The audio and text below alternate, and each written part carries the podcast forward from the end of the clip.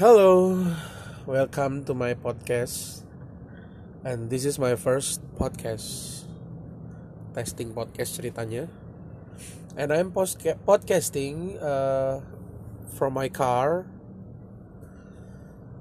in this morning with the ambience of the noisy sound from every vehicles in the road.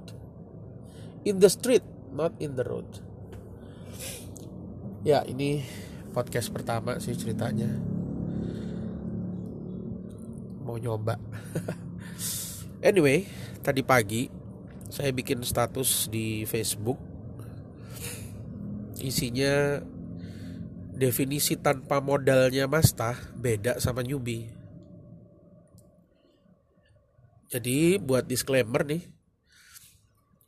Mastah itu adalah julukan yang diberikan oleh uh, orang-orang di kalangan di komunitas internet marketer. Sebenarnya nggak cuma internet marketer tapi banyak julukan. Tapi di internet marketer julukan Mastah itu uh, mengarah pada orang-orang yang berhasil mengimplementasikan internet marketing pada dirinya gitu. Anyway, I'm podcasting dalam keadaan hidung saya mampet dua-duanya.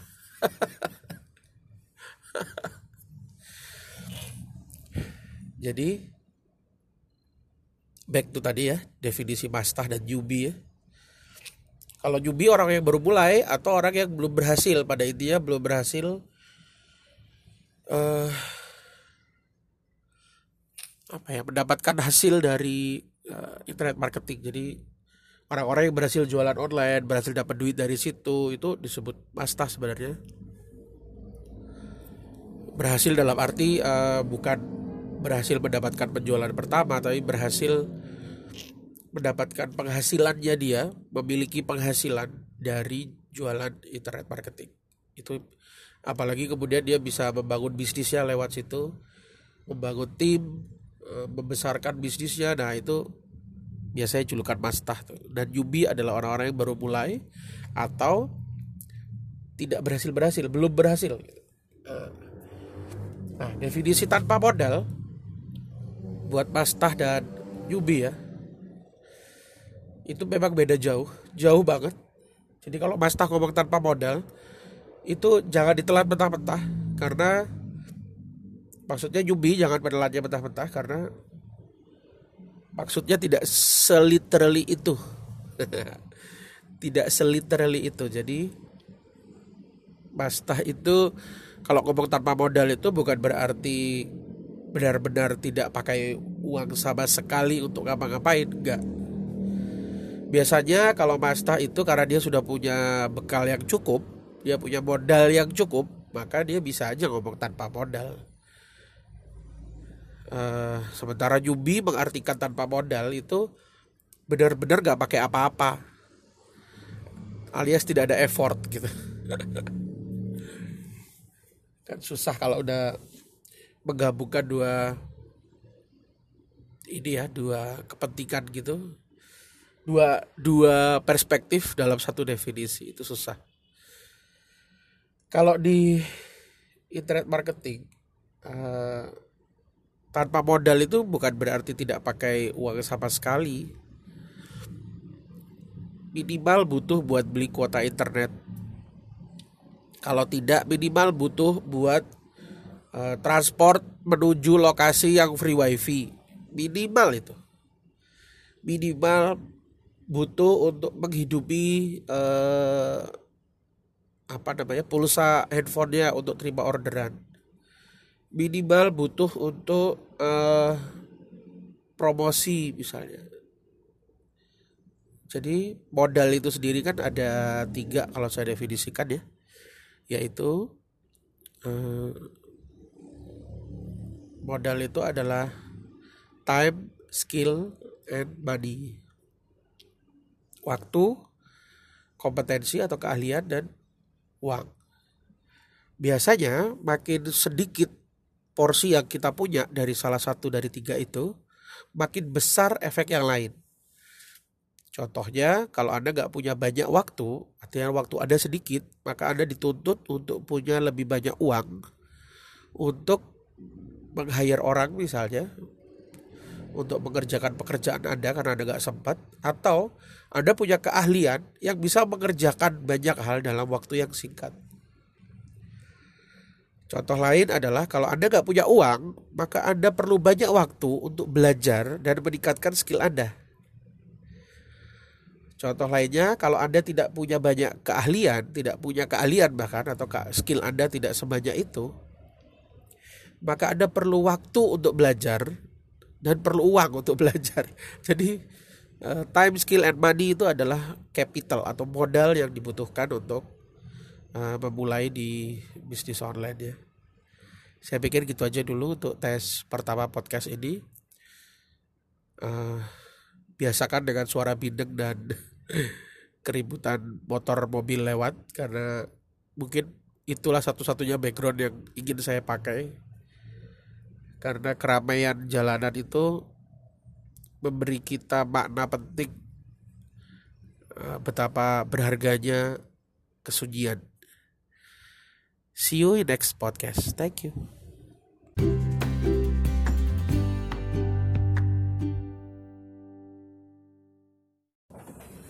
Hello, back again to my podcast. Kali ini uh, saya mau share tentang bagaimana cara startup mendapatkan modal.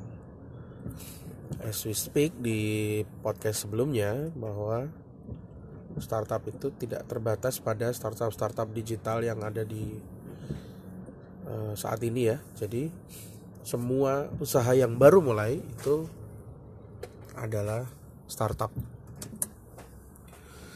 Oke, okay, uh, eh, gimana cara startup bisa dapat modal? Uh, saya membaginya menjadi uh, empat sumber utama mereka mendapatkan modal. Yang pertama adalah ring nol. Kita sebut saja ring nol. Ring nol itu berasal dari diri sendiri dan keluarga terdekat. Jadi modal pakai uang sendiri, entah hasil nabung, entah hasil uang sendiri maksudnya ya jadi bukan minjem bukan juga uh, minta orang lain tapi uang benar-benar milik sendiri jadi bisa dari tabungan bisa juga minta keluarga terdekat istri suami kakak yang satu rumah ya satu rumah yang paling dekat deh orang tua misalnya itu juga salah satu uh, modal dari ring nol. Yang kedua adalah uh, ring satu. Ring satu itu adalah uh, keluarga dan teman dekat.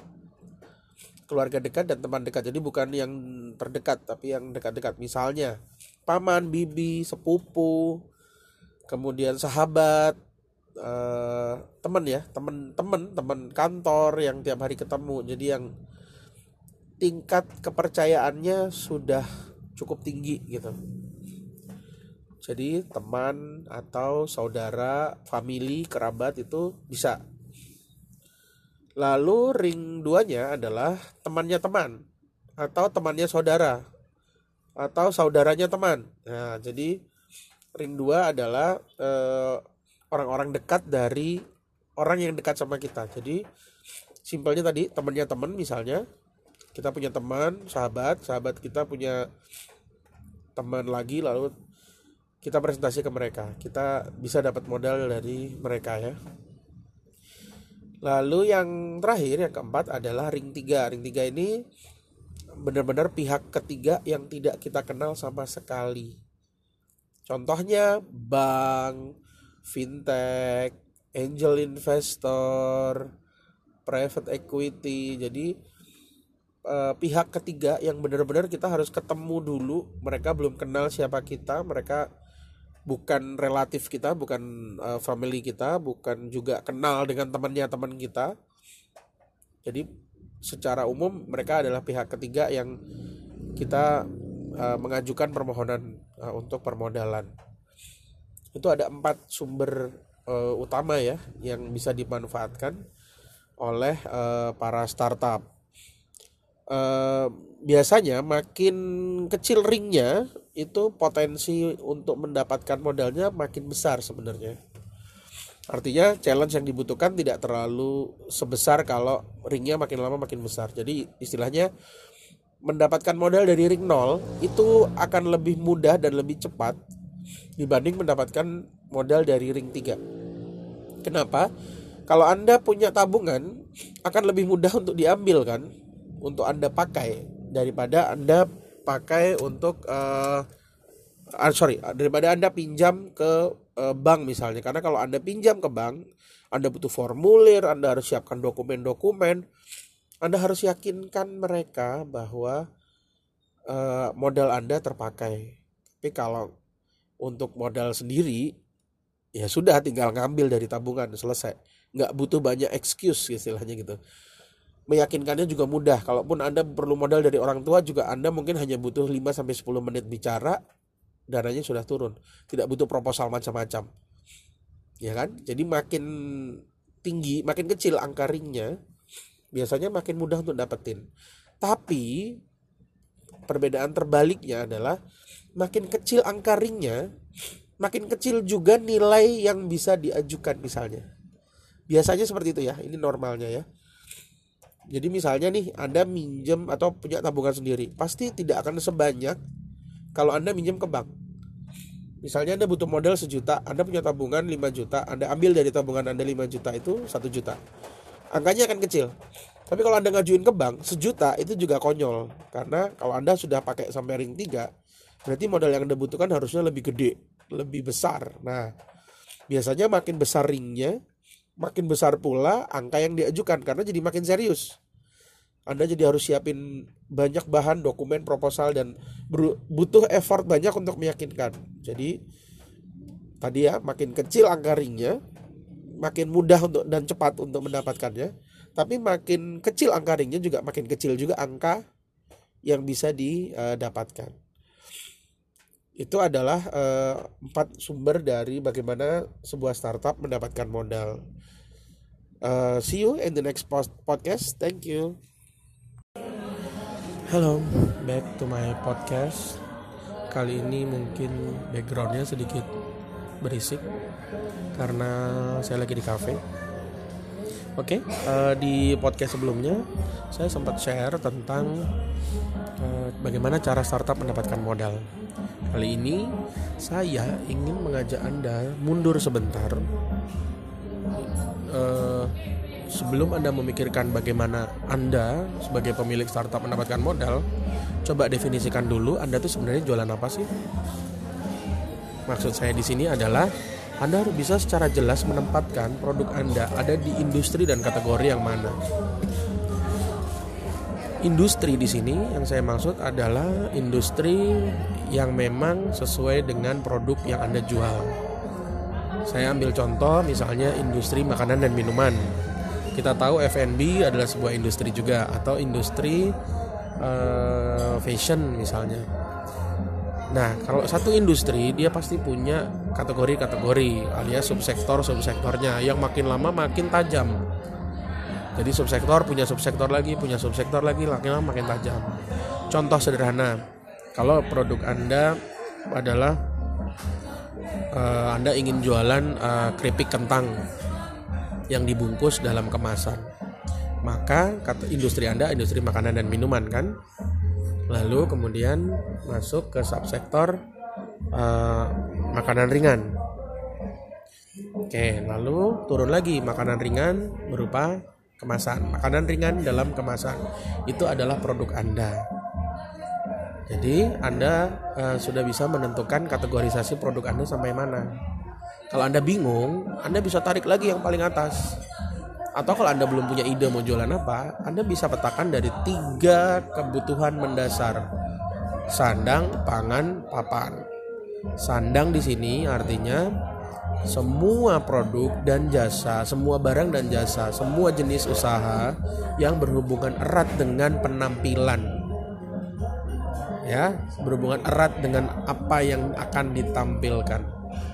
Lalu pangan itu semuanya jelas ya berhubungan erat dengan makanan dan minuman. Lalu papan itu berhubungan erat dengan sebuah lokasi, berhubungan erat dengan sebuah tempat, berhubungan erat dengan sebuah bangunan. Nah, sekarang kita ambil contoh. Kalau Anda produknya uh, tadi ya keripik kentang itu jelas dari pangan dalam bentuk, turun lagi ke industri makanan dan minuman, turun lagi ke minuman makanan ya, makanan siap makan, ready to eat ya. Lalu makanan ringan turun lagi menjadi makanan ringan dalam kemasan. Beda nggak dengan orang-orang yang jualan brownies, jualan uh, kue bolu, beda. Mereka makanan, lalu turun lagi ke subsektor apa? Kue. Nah, kuenya kue apa nih? Kue sehari-hari, kue untuk kue biasa ya, kue umum. Ada juga jajan pasar masuk di kategori yang sama nih dengan kue. Nanti dari situ Anda langsung tahu bahwa produk Anda ada di kategori yang mana. Kenapa hal ini penting saya katakan? Karena bisa saja dalam satu industri yang sedang prospek, kategorinya ada yang tidak prospek. Saya sebut satu contoh, industri properti. Industri properti orang bisa memprediksi akan terus naik. Tapi industri jual beli rumah itu sedang turun. Nah, sementara industri sewa atau sewa sewa apartemen, sewa rumah, sewa properti ya. Atau industri yang berkaitan dengan properti misalnya eh, penginapan, hotel, sewa kamar. Itu justru malah lagi naik-naiknya nih karena erat dengan traveling kan. Itu hal-hal kayak gitu ya. Itu contoh bahwa saat dalam satu industri yang sedang naik bisa saja ada kategori yang sedang turun. Nah, di sinilah pentingnya untuk mengerti Anda berada di kategori yang mana. Jangan-jangan kategori Anda sedang turun. Walaupun industrinya sedang naik. Sementara Anda selama ini hanya melihatnya dari sisi industrinya saja. Sebut saja sekarang, industri minuman kopi itu sedang naik daun. Maka kalau Anda jualan, saya pengen juga buka deh, buka kedai kopi deh anda harus lihat industri kedai kopinya, kategori kedai kopinya, apakah sudah sedang naik atau tidak. Kalau memang sedang booming, ya wajar kalau Anda memulainya. Tapi kalau misalnya ternyata yang ngetren itu adalah bukan kedai kopi, tapi uh, boot-boot coffee to go. Coffee to go itu kopi yang dibeli untuk dibawa pergi. Jadi bukan kedai, tempat orang yang berhenti pesan dan minum di tempat, tapi pesan dan dibawa Nah, kalau kategorinya yang nge-booming justru adalah kategori coffee to go, maka Anda sebenarnya agak terancam nih kategorinya. Harus pikir-pikir ulang apakah akan diteruskan atau tidak. Begitu kira-kira dari saya tentang kategori dan industri. Sehingga Anda bisa dengan mudah menjawab Anda sebenarnya jualan apa sih? Gitu ya. See you in the next podcast. Thank you.